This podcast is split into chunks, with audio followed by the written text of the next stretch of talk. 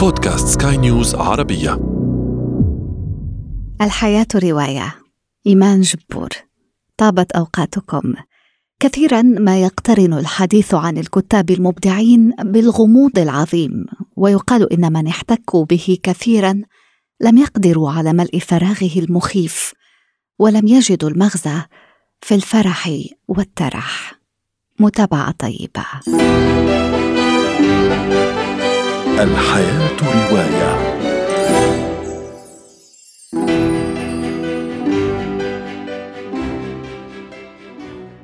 أهلا بكم في الجزء الثاني من حديث المبدعين المنتحرين. نجم هارب في سماء الأدب السويدي والعالمي. ستيغ داغرمان كتب في الصفحات الأخيرة من نصه من المستحيل إشباع حاجاتنا إلى العزاء ويعتبر بمثابة وصيته الفلسفية كتب داغرمان لا يمكن للرجل الذي يخشى أن تكون حياته شرودا عبثيا نحو موت محقق أن يكون سعيدا. الحياة رحلة لا يمكن التنبؤ بها بين أماكن لا وجود لها. هذا النص الأخاذ رغم سوداويته المليئة بالحيرة والقلق من متاهات الوجود والموت نشر في صحيفة سويدية عام 1952 يحمل الأسباب العميقة التي دفعت داغرمان لوضع حد لحياته سنتين بعد ذلك. لكن قبل أن يبلغ الطريق المسدود حظي داغرمان بمجد وشهرة لم يعرفها أي من أبناء جيله من الكتاب والشعراء علما أن عمر إنتاجه الأدبي لم يصل عشرة أعوام. بعد سنوات قضاها في العمل الصحفي بالطابع النقابي الأناركي كان داغرمان في بداية العشرينات عندما أصدر مباشرة بعد انتهاء الحرب العالمية الثانية روايته الأولى الثعبان. باكورة إنتاج غزير من الروايات والقصص القصيرة والمقالات التي حققت له انتشارا واسعا لكن هواجس اكتئاب الكاتب السويدي لم تكن لتتركه يهنأ بعبقريته. في صباح ثالث نوفمبر عام 1954 دخل داغرمان مرآب منزله وشغل محرك سيارته بنية الاختناق بغازات دخان العادم. كانت تلك نهاية حياة دامت واحدا وثلاثين عاما فقط لكنها تركت وراءها إرثا أدبيا لم يبلى وقد مر عليه نحو ثمانية عقود. C'est ainsi que la musique et la peinture successivement écartées, nous nous résignâmes à la littérature. Ma mère n'avait rien contre elle.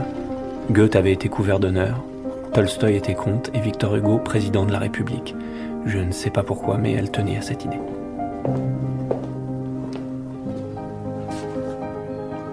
Montre-moi ce que tu as écrit.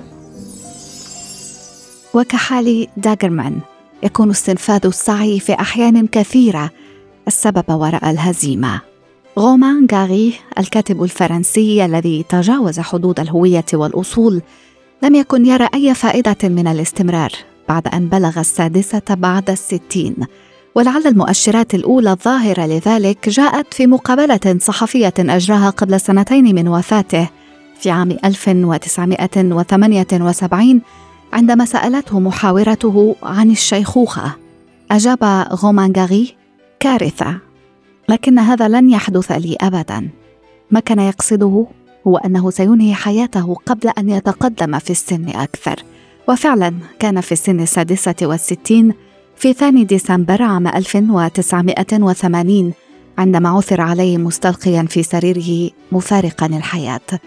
أطلق غاغي النار على نفسه من مسدسه وترك رسالة عند أسفل سريره جاء فيها لقد عبرت أخيرا عن نفسي. بشكل كامل. أتم الكاتب مهمته الوجودية بنظره. غومان غاغي روائي مبدع وإن ظل محيرا لمن كانوا يندشون في سيرة حياته استحال عليهم إثبات حقيقة رجل سعى طيلة حياته إلى إنكار واقعه وابتكار مصير استثنائي.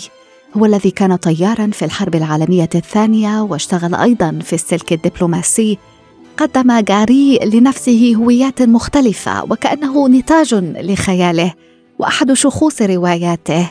كان الكاتب الوحيد الذي فاز بالجونكور مرتين متحايلا على قواعد هذه الجائزة المرموقة. فاز بالأولى عام 1956 عن روايته Les Racines du ciel جذور السماء وفاز بالثانية سنة 1975 عن رواية La Vie devant soi الحياة أمامك التي وقعها باسم مستعار آخر إيميل آجاغ. غومانغاري أخذ معه أسراره إلى مياه البحر الأبيض المتوسط حيث نثر رماده. أما حقيقة إيميل آجاغ الوهمي فلم تكشف سوى بعد وفاته. من الممكن تحطيم رجل لكن ليس من الممكن هزيمته. لعل هذه العبارة التي جاءت في رواية العجوز والبحر تمثل كاتبها أكثر من الشخصية الروائية. قبيل صدور روايته هذه عالم الأدب كان قد وضع الكاتب الأمريكي إرنست هيمينغوي في رف النسيان إلى أن نشر هذه التحفة الأدبية وتوج عنها بجائزة بوليتزر عام 1953 ثم في العام الموالي نال أرفع التقديرات. نوبل الآداب. موهبة هذا الكاتب لم تكن يوما محل شك منذ أن نشر رواية وداعا للسلاح عام 1929 لكن بعد عقود على وفاته لا يزال بعض الصحفيين وكتاب السيرة الذاتية وعلماء النفس ينبشون في أسباب إقدام هيمينغوي على الانتحار. في عام 1961 كانت صحة هيمينغوي الجسدية والنفسية في حالة سيئة. مضاعفات السكري وضغط الدم المرتفع. قيل أيضا إنه كان يعاني من تليف الكبد زد على ذلك الاكتئاب. كانت الشمس قد أشرقت بالكاد في أول صباحات شهر يوليو عندما استيقظت زوجته الرابعة ماري على صوت الرصاص قادما من مكتبه. في البدء اعتمدت أرملة هيمينغوي رواية الموت العرضي لكنها أقرت بعد فترة طويلة أنه تعمد إنهاء حياته. هي ربما اللعنه المتداوله عن عائلة هيمينغوي التي شهدت على مدى أجيال عدة حالات انتحار شملت والد هيمينغوي نفسه وشقيقته الصغرى وحفيدته عارضة الأزياء الشهيرة. الحياة رواية. شكرا على طيب إصغائكم مستمعينا الكرام. أتمنى أن يكون هذا العدد قد راقكم وقدم لكم الإفادة. نلتقي في عدد مقبل. دمتم بخير.